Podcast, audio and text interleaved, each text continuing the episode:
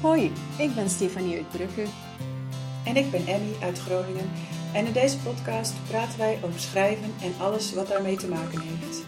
Over dromen, over sukkelen, over successen en over worstelen.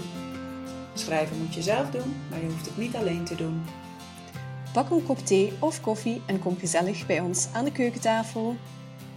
Even een kleine disclaimer. Omdat wij de podcast op afstand, dus online, opnemen, is de geluidskwaliteit niet van studioniveau. Maar hé, hey, het gaat om de inhoud, toch?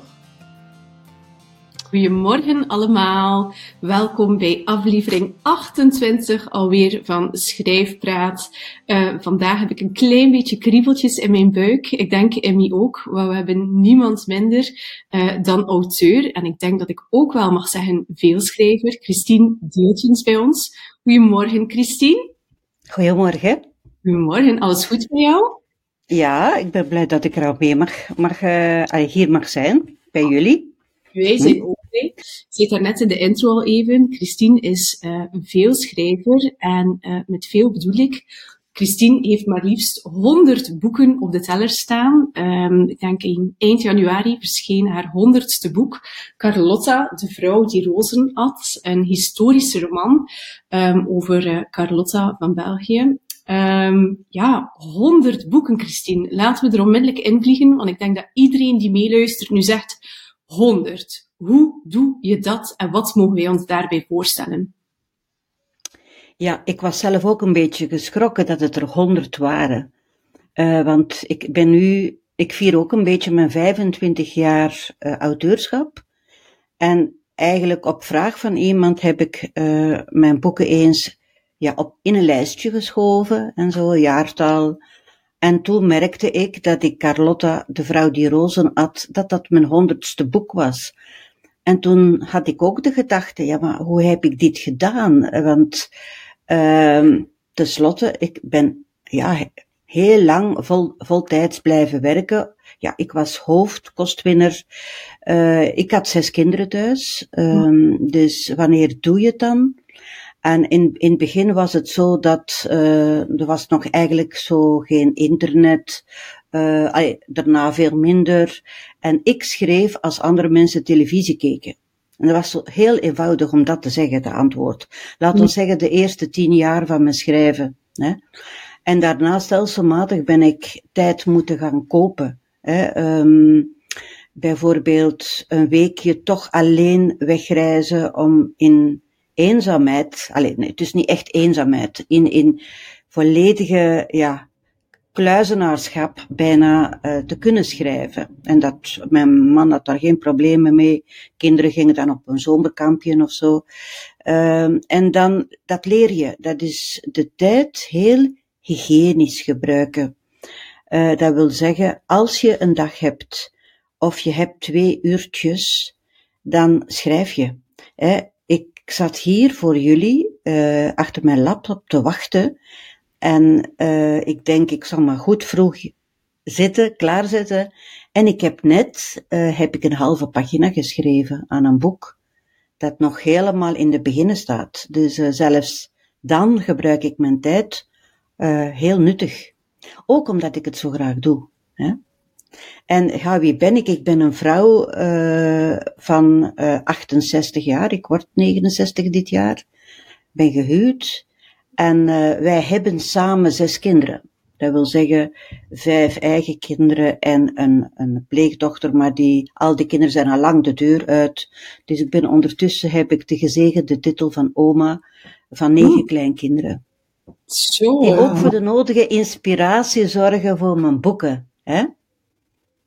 Want zo bijvoorbeeld, ik gebruik alles uit het leven om, uh, om iets mee te doen. Hè. Ik heb heel veel van die kleine, kleine cahiers. Uh, in elke stad waar ik kom, uh, waar ik nog nooit ben geweest, koop ik zo'n klein schriftje of, of een cahier dat in mijn handtas past. En dan schrijf ik er dingen in. En uh, zo onlangs uh, maakte ik mee dat een van mijn kinderen uh, ja, een miskraam heeft gehad. En dat was op een dinsdag. En ik heb dat onmiddellijk opgeschreven, dinsdag. En ondertussen is dat al een titel geworden. Niet dinsdag, maar donsdag. Oh. Dus ik heb al een idee waarover dat ik moet schrijven. Een boek voor toch, laat ons zeggen, eerste, tweede, derde leerjaar. Ja. Over, over iets dat niet doorgaat. Hè? Er zit al zoveel in jouw uh, introductie. Um, dus om even te kaderen voor de mensen die meeluisteren. Jij hebt 100 boeken op de teller. Ik hoorde al de kinderboeken, jeugdboeken. Dat is nu ook iets waar je um, aan het werken bent, dacht ik. Um, ja. hoe, hoe, maak je op een bepaald moment de oversteek van kinderboeken naar, uh, ja, naar historische romans? Hoe gaat dat? Is dat iets wat geëvolueerd is voor jou? Of was dat een, een weloverwogen keuze? Of zoals ik hoor, nu overkomt jou iets in jouw leven en dan pik je mm -hmm. dat verder en dat gaat dan een beetje organisch? Ja, eigenlijk wel. Uh, sowieso spreek ik niet van een oversteek.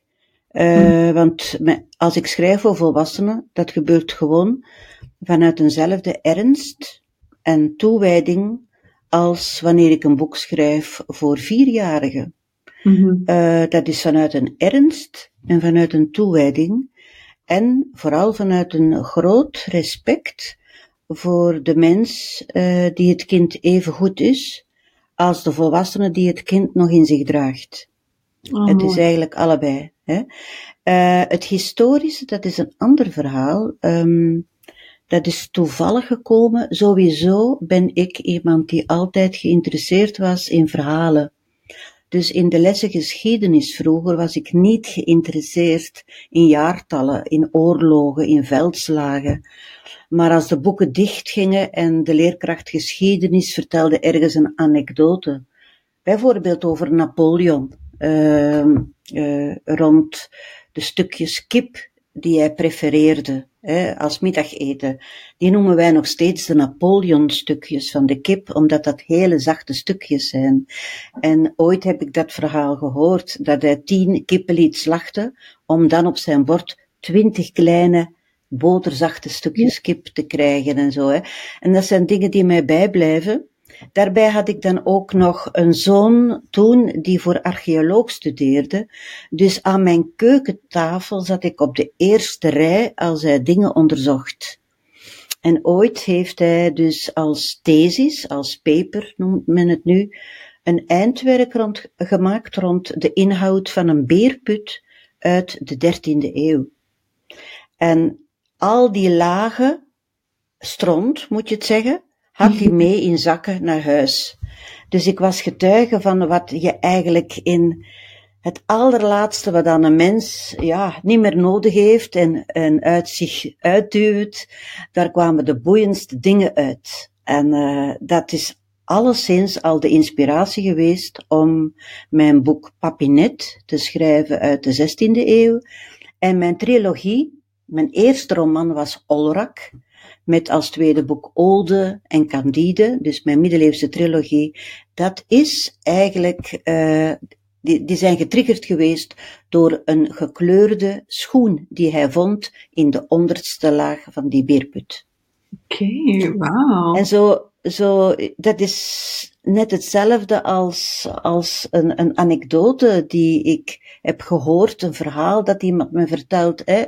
Uh, iemand heeft me, acht jaar geleden was het zeker, uh, jonge mensen die ik nog, uh, want ik was vroeger leerkracht, die ik in mijn school had gekend en die mij het verhaal vertelden over hun, hun zoontje die um, uh, kanker had en waarschijnlijk niet te genezen was. En die wilde met hem het gevecht aan, het gevecht van die, van die draak van een kanker. Dus die probeerde hem te zeggen, de moed niet verliezen, je moet die opdracht aanvaarden, we gaan samen vechten. En op een gegeven moment zegt hij, ja, maar jullie moeten niet vechten. Ik moet vechten met die draak van een kanker en ik kan het niet. Uh, en ik wil ook niet meer vechten. Uh, ik ben te moe. Uh, mag ik niet gewoon doodgaan? Oh. Natuurlijk wilde dat kind niet dood, maar dat is een uiting om te zeggen van ik kan niet meer. Die ouders vertelden mij dat en ze zeiden, wij zoeken een boek om voor te lezen iedere dag, waarin mm. een kind een soort van kweeste heeft. En ja, dat ging bij mij zo diep binnen en dan heb ik Drakendal geschreven. En dat gaat niet over, over kanker. Dat gaat niet over die jongen. Dat gaat over uh, een kind, Barren heet hij. En Barren is eigenlijk het Zweeds voor kind. En alle namen in het boek hebben, betekenen allemaal kind. Zo staat er een naam Lapsi, dat is Fins voor kind. Neno, Portugees voor kind. Dus al die namen betekenen kind. En dat is een jongetje die een opdracht moet vervullen. En hij slaagt er ook wel in. En gelukkig, uh, die jongen is uiteindelijk ook genezen. He, die is nu uh, een puber van uh, 15, 16 jaar en uh, is heel trots op zijn boek. Want achteraan staat uh, het zinnetje voor warren en voor iedereen die, voor, die door een drakendal moet. Wauw. Ik denk dat het bij iedereen die meeluistert even hard uh, binnenkwam als bij, uh, bij mij hier. Ik hoor dat je vaak gegrepen wordt door een anekdote, door een gebeurtenis, om terug te keren naar Carlotta. Wat, is het dat jou gegrepen heeft om aan Carlotta te beginnen? Ah, dat is het kind dat ik nu het meest koester, omdat dat de jongst geborene is. Hè. Uh, ik heb er wel zes jaar aan gewerkt. En ik moet wel zeggen, er staat op mijn bureaublad altijd een stuk of vijf, zes potentiële boeken open. Oh. Dus ik kan iedere dag kiezen aan wat ik verder werk. Maar de laatste twee jaar moest dan vooral dit boek af. En uh, ik ben getriggerd geweest omdat mijn Mexicaanse schoondochter, uh, die was naar België gekomen en die vertelde me dat zij als kind altijd gedacht had, ah, België, ik wil er eens naartoe, want daar komt Carlotta vandaan. En Carlotta is twee jaar lang de keizerin van Mexico geweest. Ik had nog nooit van Carlotta gehoord. Ze zei, ja, maar dat kan toch niet? Het is jullie prinses. Het is prinses Charlotte van België. De, eerste, de, de enige dochter van Leopold I. Dat moet je toch kennen? Ik schaamde me een beetje, ik die met zoveel historische projecten bezig was. Uh, en inderdaad, ik herinnerde mij haar zo een naam, kleine lettertjes op een tijdlijn, gehuwd met Maximiliaan van Oostenrijk en verder niks. Dan ga je online kijken en dan zijn er twee trefwoorden, dat is keizerin en waanzinnig. En we krijgen heel vlug labeltjes uh, omgesnoerd. En de slechtste labeltjes die blijven het meest bovendrijven. Tenzij dat je een heilige bent. Maar vanaf dat je iets hebt uitgespookt op uh, online, blijf je dat voor de rest van je leven meedragen. Hè? Uh, dus ik was zo hard getriggerd dat ik ja, al die boeken ben gaan beginnen kopen uh, hmm. die over haar zijn geschreven in het Nederlands. Want mijn talenkennis, ja, die is beperkt tot een beetje spreken, met veel haar op, een beetje Spaans, voldoende Engels, voldoende Frans, voldoende Duits, maar niet om te lezen. Uh, en dan heb ik ook ontdekt dat er uiteindelijk van al die mannelijke auteurs, dat er een bepaalde soort visie was naar haar, waarvan ik alleen maar kon zeggen, ja, dit is toch wel een mannelijke kijk op haar. Er was slechts één vrouw die een uh, non-fictie had geschreven en die gewoon meer de historische dingen vertelde over haar, maar die niet verder ging, inging op haar persoonlijkheid. Mm. En dat was er opeens. Ik, ik kreeg de behoefte om haar uit het sop te halen, om haar het leven te geven dat ze eigenlijk verdiend had om te krijgen. Want zij was een zeer intelligente vrouw. Zeer boeiend, zeer kunstzinnig, hè? maar ze is volledig genekt door haar tijd. Door de, de, de rol van de vrouw in die tijd. Hè? Want ik spreek nu over, ze is geboren in 1840 en ze is uh, gestorven in uh, 1927. Dus ze is bijna 87 jaar oud geworden. Maar wat dat niemand weet, is dat ze eigenlijk 60 jaar is opgesloten. Zo. En dat was voor mij, ik denk, wie doet zoiets? En ik had dan ook nog het, het, het, het boek geschreven, Kelderkind, uh, zeven jaar eerder zeker. Dat is dezelfde periode, de periode van Napoleon, uh, maar dat gaat ook over iemand die opgesloten is geweest. Namelijk de historische figuur Caspar Hauser. En toen dacht ik, ja, ik heb hier nog zoveel materiaal liggen over die tijd. Daar moet ik iets mee doen. Hé? Kijk, ik heb een, een vraagje, Christine, omdat ik hoor al research. Uh, en ik weet dat Emmy uh, schrijft ook aan een historische roman. Mij is het genre onbekend om te schrijven, maar ik denk dat er voor Emmy heel veel vragen in haar hoofd borrelen. Eén die bij mij al borrelt, maar Emmy, vraag maar. Maar één waarvan dat ik denk is van, die research, Christine. Hoe hou je dat allemaal bij? Hoe doe je dit? Want dit, is, dit zijn mensenlevens, maal honderd die je daar, daar hebt en meer. Hoe, hoe begin je daaraan als auteur dan? Dat is veel boeken lezen, uh, op ja, internet afschuimen. Uh, en dat zijn eigenlijk, laten we zeggen, de meer materiële dingen die je verzamelt. Dat zijn de puzzelstukjes. En uh, automatisch is er bij mij al een chronologie, maak ik al mapjes, jeugdjaren, uh, de politiek van die tijd. Dus dat, verdwijnt allemaal in mapjes. Uh, ik ben op zich een grote rommeldoos, echt een rommelmie, maar op dat vlak ben ik zeer, zeer ge, allez, geordend. Hè. En dan ga ik ook, als het enigszins mogelijk is, naar het land zelf. En daar haal ik het meeste uit. Ik ben twee keer naar Mexico geweest en één lange reis door Italië naar de plaatsen waar Carlotta ook is geweest met haar man en die van belang zijn geweest voor mijn boek. En word jij dan een beetje Carlotta op een bepaald moment? Zit je soms zo dicht onder de huid dat je het gevoel hebt dat, haar, dat zij in jou leeft? Goh, ik blijf altijd wel Christine. En dat moet je ook wel blijven. Want anders neemt zij het over van je. En dan spreken we hier over dissociatie. Hè? Dat, dat, laat ik niet toe. Hè? Nee, nee, nee, nee. Ik hou die teugels in handen. Dat moet zo. Um, uh, maar het is zo, uh, een, een, een heel intieme vriendin wordt het van mij. Of een zus, mijn lievelingszus. En vorige week had ik nog een interview in het kasteel van Carlotta in Meissen. Het kasteel waar ze dus 50 jaar is opgesloten geweest, de laatste 50 jaar. En daar vroegen de journalisten, moest Carlotta hier nu naast mij zitten? Want we zaten in het blauwe salon, waar mm. Carlotta altijd zat te borduren. Vroeg ze aan mij, wat zou je tegen haar zeggen? En ik zei, kon alleen maar zeggen, ik zou haar tegen mij aandrukken. Ik zou haar omhelzen. Ik zou niks zeggen. Ik zou gewoon uh, mijn warmte aan haar geven. Op, op zo'n manier dat ze het zou voelen. Uh, dat ze zou weten dat ik er was en dat ik heel veel respect uh, ja, heb voor haar.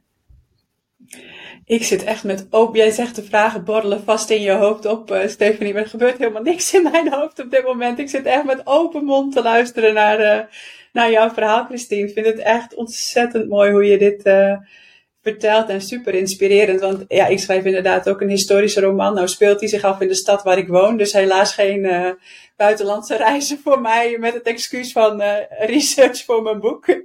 Dat is ook boeiend, uw eigen stad. Zeker, zeker. Heel boeiend. Um, ik, ik loop af en toe, zeg ik wel eens, door mijn boek. Dan dan wandel ik door een stuk waar mijn hoofdpersoon ook heeft gelopen. En dan, dan wordt ineens het beeld zwart-wit of zo, voor mijn gevoel. En dan, dan loop ik uh, door mijn boek. Ja.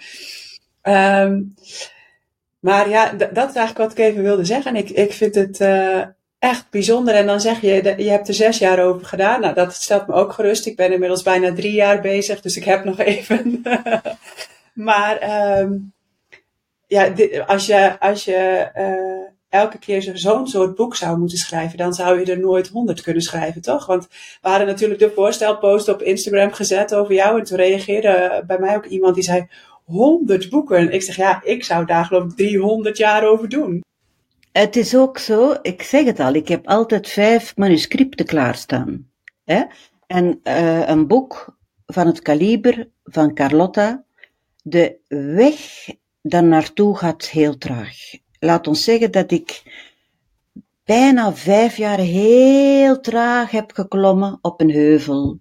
Dat ik niet wist uh, hoe gaat mijn boek eindigen. Want er zijn natuurlijk ook fictieve elementen in, maar gebaseerd op al de historische feiten. En ik heb mij honderd keer voor het hoofd geslagen. Diltiens, wat doe jij jezelf aan? Uh, er zijn toch gemakkelijker onderwerpen? En dat klimmen gaat heel traag. Hè? Uh, en dan opeens sta je op die top en voel je een soort van omslag. Een keermoment. Ja, ik weet waar ik naartoe moet. En dat is het holder de bolder naar beneden rollen. Hè? In september, alleen in september, heb ik 150 pagina's geschreven.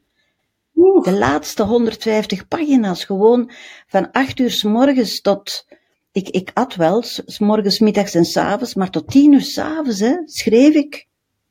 En ik was niet moe. Ik was niet moe, hè. Ik was helemaal verzadigd van, het kan eruit komen. Dus daar moet je ook rekening mee houden, dat de aanloop van zo'n lijvig boek zwaar is. Mm Zeker een historisch boek. En dat kantelmoment, uh, Christine, waar je omschreef het zo mooi, en dan holder de bolder uh, naar beneden. Uh, waar is dat gekomen voor jou? Eens dat je in Mexico was, of, of daarna nee, bij terugkomst? Nee, nee, nee, veel eerder. ja?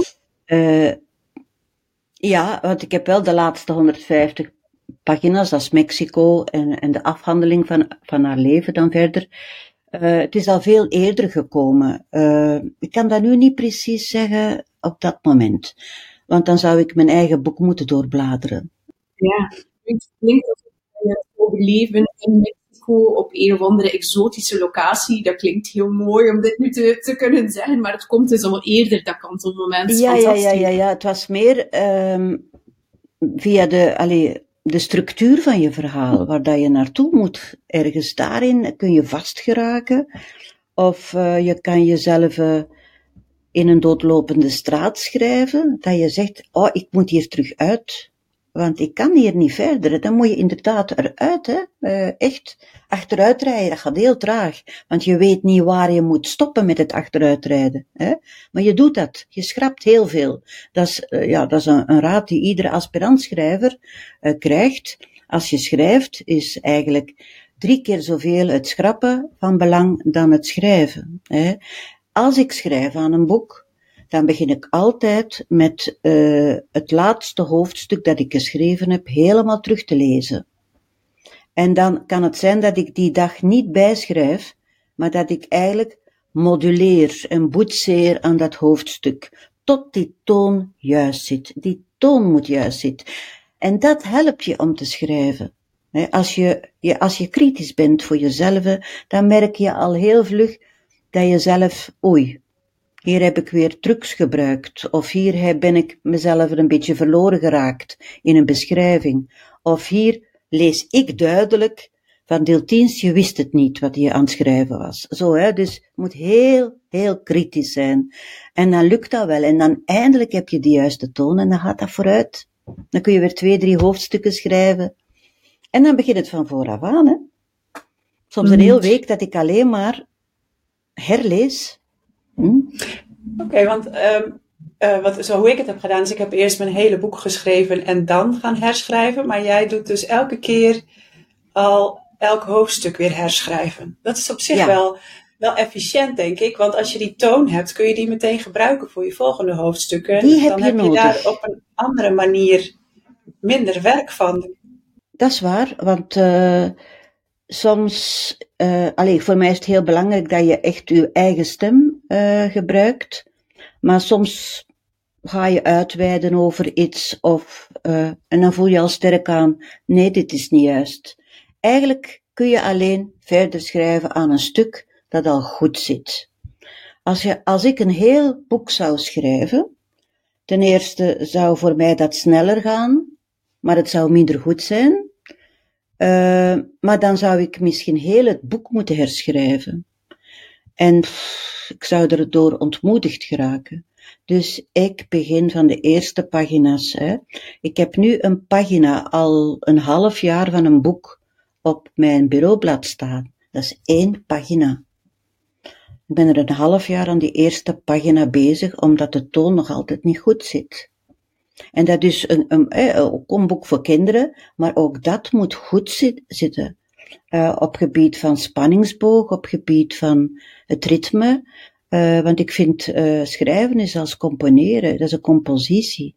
Er zit vol, met muziek. Um, je kunt met momenten echt draven, maar dan is teken, dat, is, dat wil zeggen dat uw verhaal dat vraagt, dat je even draaft. En dan zal de lezer meedraven. Ik heb dat met Carlotta ook gedaan. Heel bewust gaan draven. Daar waar dat een beetje het noorden kwijt is. Allee, of volledig het noorden kwijt is. En daar stilstaan bij gedachten die zij mogelijk ook gehad heeft. Eigenlijk, dat zijn dan filosofische gedachten. Dan wordt jouw tempo, dat wordt ha, noemt, ik ken al de muziektermen niet, maar je hebt andante en zo, al die muziektermen. Maar eigenlijk uh, kan je ook zo naar je hoofdstukken kijken. Van dit stuk moet op een rustige, kabbelende manier gebeuren. Jij bepaalt uh, hoe de lezer zal lezen. En jij houdt dat stuur vast en die teugel strak. En uh, alleen zo kan een boek goed worden. Mhm. Je zegt het uh, super mooi, Christine. Je bent goed met woorden. uh, maar je zei daarnet uh, kritisch zijn en ik moest alleen maar denken, ja, het is eigenlijk gewoon eerlijk zijn met jezelf. Dat je vooral. Aan, ja, dat je zegt, oh, de, Christine, hier ben ik erover gegaan of hier dit. En eigenlijk als auteur voel je dat altijd een beetje aan. Ik ook. En soms ga ik ja. door en denken, ik raak er wel mee weg. Uh, maar als ik dan naar de les ga, dan zegt de leerkracht vaak, oh Stefanie, hier ben je toch de beste aan. En dan denk ik, ja, ik wist het. Um, dus kritisch, uh, ik ga het ja. vertellen hoe jezelf, naar eerlijk zijn met jezelf. Um, en dan, dan trekt het zichzelf inderdaad wel recht, vermoed ik.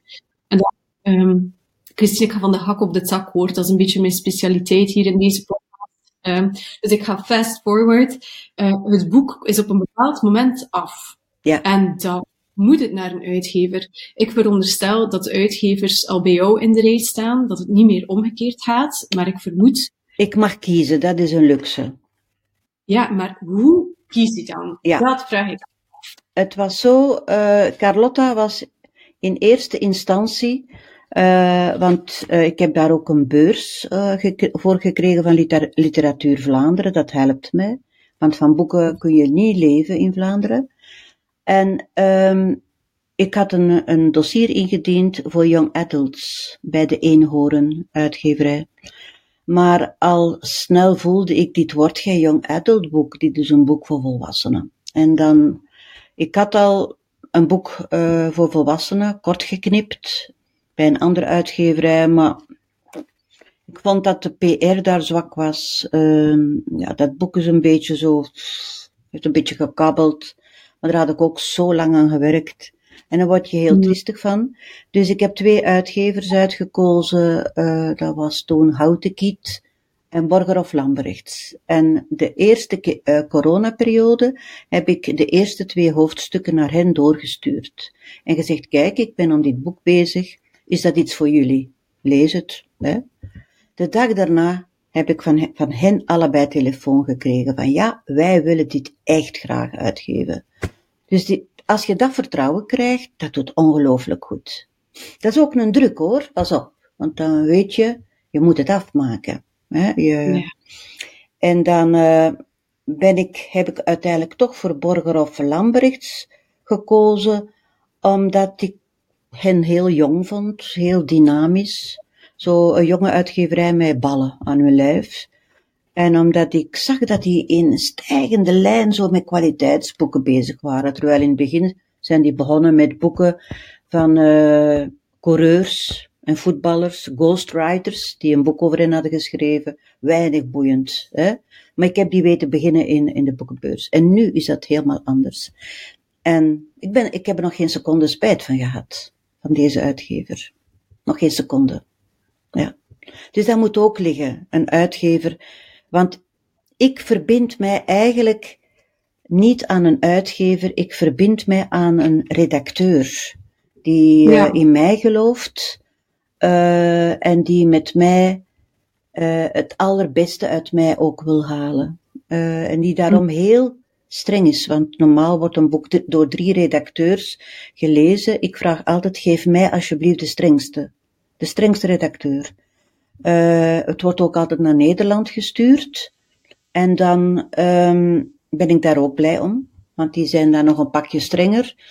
in dat opzicht dat zij natuurlijk uh, Vlaamse woorden gaan vervangen door Nederlandse woorden. En soms ben ik er met akkoord, soms ook niet. Want ik blijf een Vlaamse schrijfster. En uh, ik verkoop mijn ziel niet. Ook niet voor Nederlanders. Ja, heel goed. Nee, dat is denk ik ook goed. Want dat, is, dat, is, dat kan ook bijna niet. Je, schrijft toch in je eigen taal. En dan, en dan is er toch best een heel groot verschil tussen het Vlaams en het Nederlands in Nederland. Um, maar ik vind het wel mooi wat je zegt, dat het voor jou vooral heel belangrijk is van welke redacteur. Um, wij hebben onlangs een, een literair agent in onze podcast gehad, Remco Volkers, en die zei: um, uh, ik, ik moet ook de auteur op mijn verjaardag willen uitnodigen. Ik, hè, het, er moet echt een klik zijn met iemand. Dat is ook een beetje wat jij beschrijft volgens mij, hè? Ja, dat moet zo zijn. Nu niet dat ze op mijn verjaardag moeten verschijnen hoor, dat niet. Uh, maar ik moet hen ten volle kunnen vertrouwen, want je geeft je geesteskind af. Hè? Ja. En uh, je wilt dat daar van alles mee gedaan wordt. En in het begin was ik een heel, heel verlegen iemand. Ik durfde amper een vraag te stellen aan een uitgever. En uh, al groeiende dacht ik, ja, maar jij hebt ook vragen, jij kunt die ook stellen. Ja, want ik heb heel lang een, uh, en dat, dat overvalt me soms nog, uh, uh, een minderwaardigheidsgevoel, want ik heb geen universiteit gedaan. Hè.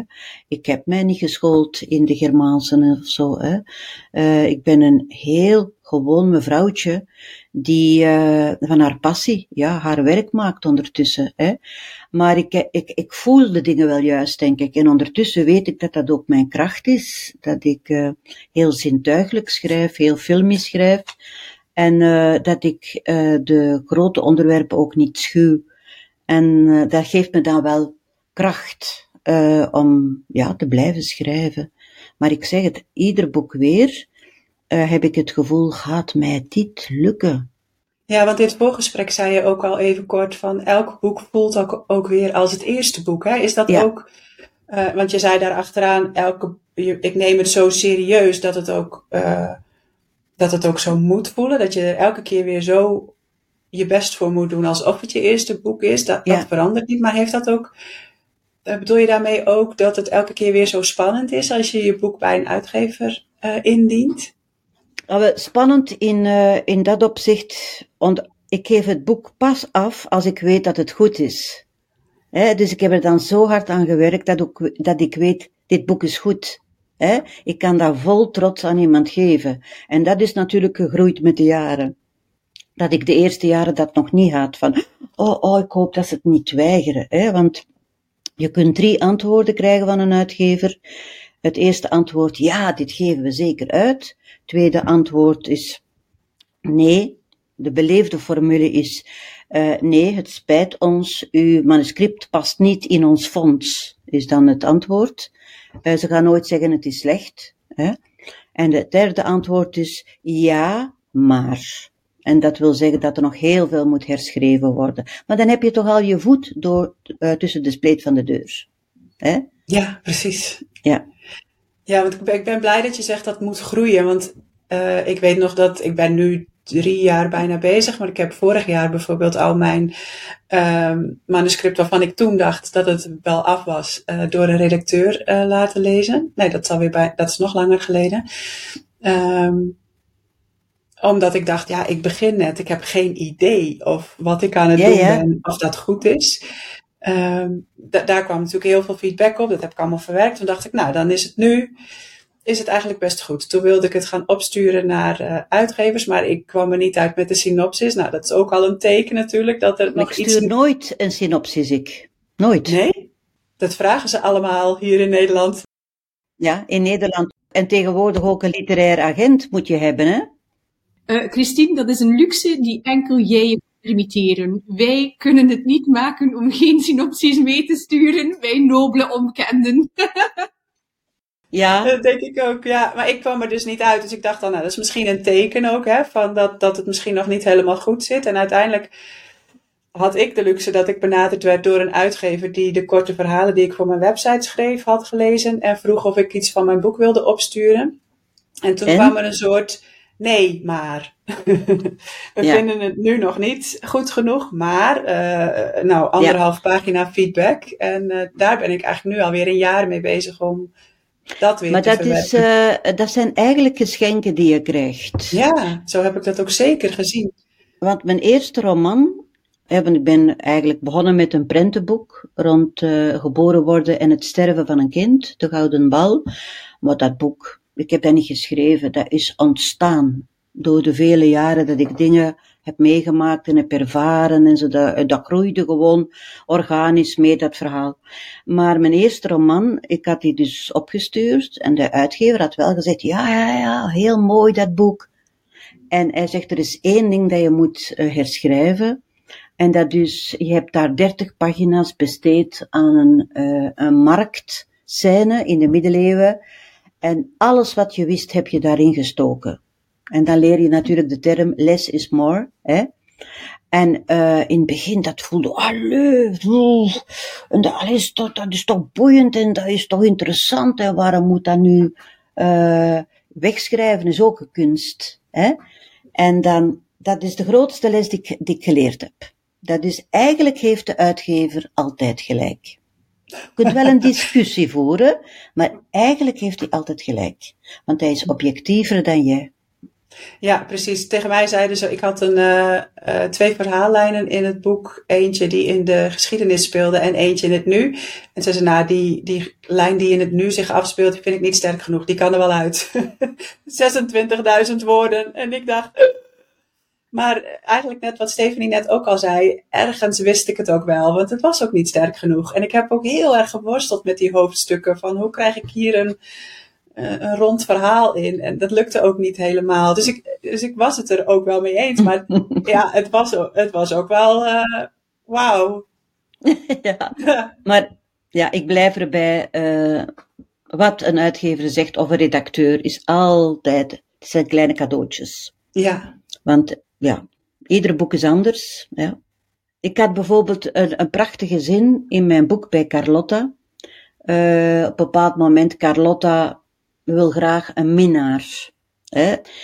Want haar man, ja, seksueel, het is, het is geen oogvlieger, of misschien op een andere wel. Allee, het, ik wil ook niet alles verklappen.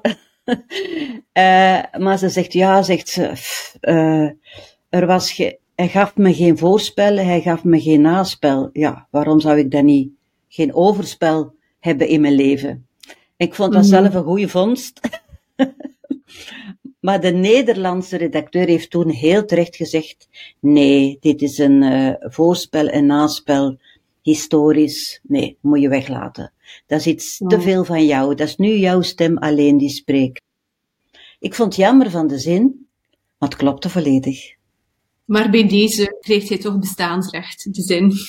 Blijf het een goede zin vinden. En als ik hem ooit ergens kan uh, quoten, zal ik aan je denken.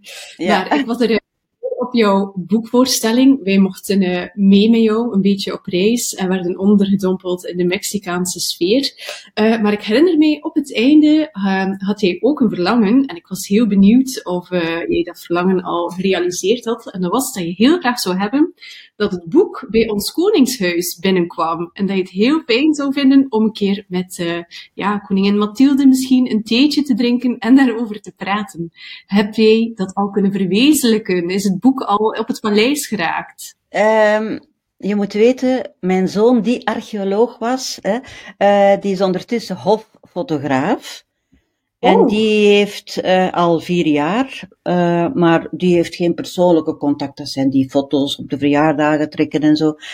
Maar die heeft wel de vraag van een hofdame of raadgeester, ik weet niet hoe dat ze het noemen, de vraag gekregen, kan uw moeder een boek opsturen naar het Koninklijk Paleis? ik heb dat dan gedaan, met een, een persoonlijk woordje erin voor een vrouw over een vrouw door een vrouw opgestuurd. Maar ik heb als reactie, ik hoop niet dat mijn boek in de cadeautjeskamer is terechtgekomen, maar ik heb als reactie een kaartje gekregen, een voorgedrukt kaartje van koningin Mathilde, waarop staat bedankt voor, voor de verjaardagswensen Ik heb helemaal geen verjaardagswensen gestuurd. Hè? Dus ik, ik vrees ervoor dat het in de cadeautjeskamer is terechtgekomen. Nu, ze, ze zit nu in Egypte. Laat ons hopen dat ze zich de eerstkomende tijd wat verveelt. En dat ze dat Ja. boek ergens ziet liggen. En dat ze het dan toch gaat lezen. Maar een andere, eh, iemand die ik gesproken heb eh, tijdens mijn research, iemand die voor VTM, eh, de royalty watcher was, moest controleren of dat de informaties in de programma's juist waren. Die stuurde mij een mailtje. Als Mathilde, als Mathilde het leest, dan is de kans groot dat je uitgenodigd wordt op de koffie om erover te praten. Want zij leest ontzettend veel. Het schijnt. Dus het is afwachten, hè. Lig ik daar nu van wakker? Nee. Het zou wel tof zijn. Wij duimen mee. Ja, En als eh, het Koninklijk Huis Instagram heeft, dan zullen we ze straks even taggen, zeggen dat Christine op hen wacht. ja, ja, ja, ja, ja. Hebben jullie het Koninklijk Huis als volgers? We gaan daar straks even werk van maken deze namiddag. Doe dat, doe dat. Ik zal jullie eeuwig dankbaar zijn. Mogen we dan mee op de koffie? Ja, daar heb ik niet veel over te zeggen, denk ik. Dat is een grapje. Nu we bij de vragen zijn, er is nog een vraag voor jou binnengekomen van een van onze volgers, van eh, Aline Lionis. Ehm, zij is een dertiger, vermoed ik. En toen zij elf jaar was, ben je bij haar in de klas langs geweest om een boek voor te lezen. En zij had nog een schriftje, een roze schriftje, waarin jij met een glitterpen een handtekening hebt gezet. Oh. En ook een tekening voor haar hebt gemaakt. Lief, wat? Een, een tekening? Schets, een schets blijkbaar. Ik zal misschien een keer vragen als ze het opstuurt en dan kan ik het Zou doorsturen. Of... het een prinsesje kunnen zijn? Ah, ik weet het niet. Ze zei een schets en ik heb het eigenlijk eh, niet verder gevraagd. Ja. Eh, maar glitterstift, dat doet wel een prinsesje vermoeden. Ik zal het haar vragen. Maar haar vraag was wat dat jouw persoonlijke of favoriete bijgeloof is. Iets waar, een bijgeloof waar jij persoonlijk belang aan hecht. Van bijgeloof, eh, ik ben gek op bijgeloof als het door eh, de andere mensen geloofd wordt. Want ik, ik, de, de, zo ja, ik ben de mystiek en dat soort dingen, goh, ik ben er gek op. Maar ik sta te veel, re- ben te pragmatisch, ik sta te veel met mijn voeten eh, op de grond om echt bijgeloof te hebben. Maar ik heb wel zo van die kleine handelingetjes. Als ik een, een, een, een wens heb of zo en ik spreek die uit, dat ik eh, op mijn eigen hoofd klop en zeg hout afkloppen. Zo. Oh, Hè, zo eh, bij wijze van ondersteuning van, allee, laat ons dat hier, eh, laat, laat dat uitkomen. Nee, maar ik hou ontzettend van bijgeloof. Maar ik pas het niet toe in mijn leven. Nee. ja. Je raakt gefascineerd door, door wat andere mensen met dat bijgeloof. Alhoewel dat er wel in mijn leven al frappante dingen zijn gebeurd, waar ik van denk, die, hier kan ik niet omheen. Eh, ik denk bijvoorbeeld, ehm, als, als wij ingetekend hadden om een pleegkind te hebben als aspirant hè, pleegouder, voerden wij met de leerkrachten een middeleeuws kerstspel op. En wij zijn dat toen in de gevangenis in Brugge gaan spelen. Diezelfde dag is in de gevangenis het kindje geboren dat later ons pleegkind is geworden. Oh, Eh, heel vreemd, ja. Dan eh, het, tweede, het tweede feit was, eh, eh, we hadden dan dat kind en ja, eh, we zagen die datum en ik dacht, wow, ik was toen vlakbij. Hè. Die vrouw woonde bij twee mannen in, men wist niet precies eh, wie de vader was, maar een van die twee mannen droeg mijn achternaam, Diltiens. oh, Terwijl dat, dat is een zeldzame naam. Hè, men is toen zelfs moeten gaan onderzoeken of dat, dat geen familie was, want dan zou het niet doorgegaan zijn.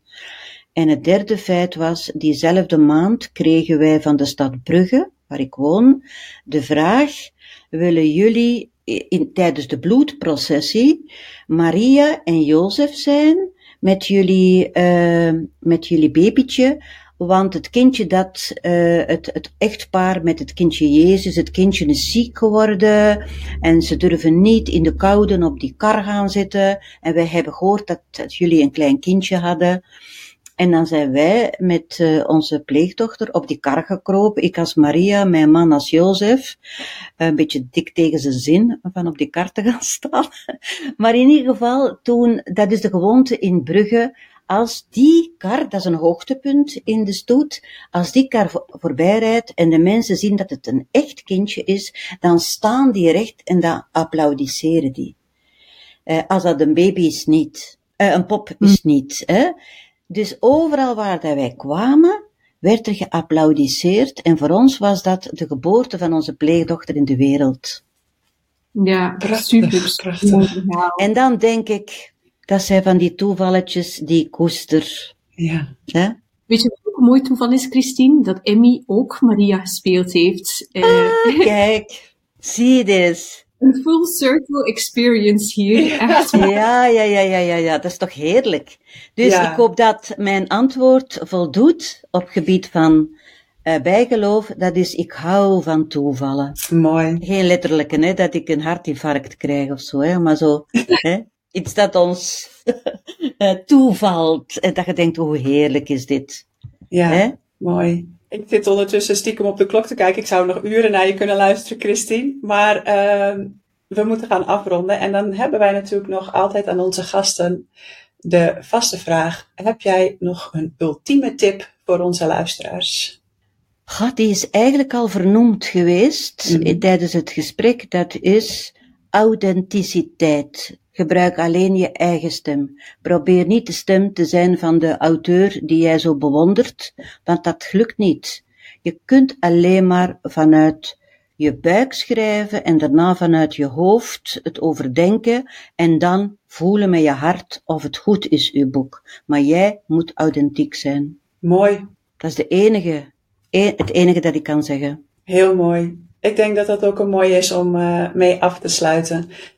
Ontzettend bedankt, Christine. Ik uh, vond het, uh, ik, heb het al, ik heb het in het begin al gezegd, maar toen vond ik het al inspirerend. En ik vind het nu, na dik drie kwartier, nog steeds super inspirerend. Uh, ik ben heel blij dat, dat je bij ons te gast was. Ja, en die 150 of 130 of 120 mensen die nu luisteren, als die een boek, hun eerste boek publiceren, mogen ze mij uitnodigen. Oh, ik zie wel of het lukt. Hè? Ik zie wel of het lukt. Het is Stefanie nog niet gelukt om naar Groningen te komen, maar misschien lukt het jou. Hè? Who knows? Hè? Dan maak ik er een dagje Groningen van. Hè? Ja, ja, precies. Nou, dankjewel Christine. En dankjewel aan iedereen voor het luisteren. En tot de volgende aflevering weer dan. Het was een fijne ontmoeting. Dag. Dag. Dag. Hey, leuk dat je weer geluisterd hebt. Luister je graag naar Schrijfpraat en wil je ons ondersteunen? Dan kun je doneren via petjeaf.com schrijfpraat. We zetten de link ook in de show notes. Je kunt ons ook helpen door een review te schrijven of een beoordeling te geven. Vijf sterren of zo. Daardoor komen wij hoger in de lijsten en help je nieuwe luisteraars om ons te vinden. Deel de podcast ook gerust in je netwerk of op social media en tag ons dan even. Wij vinden het superleuk om te weten wie je luistert. Heb je vragen of is er een onderwerp waar jij onze mening of ervaringen over wilt horen? Of is er iemand die je graag als gast in Schrijfpraat zou horen? Laat het ons dan weten. Dat kan via Instagram, at Stefanie underscore Insta en at Emmy de Vries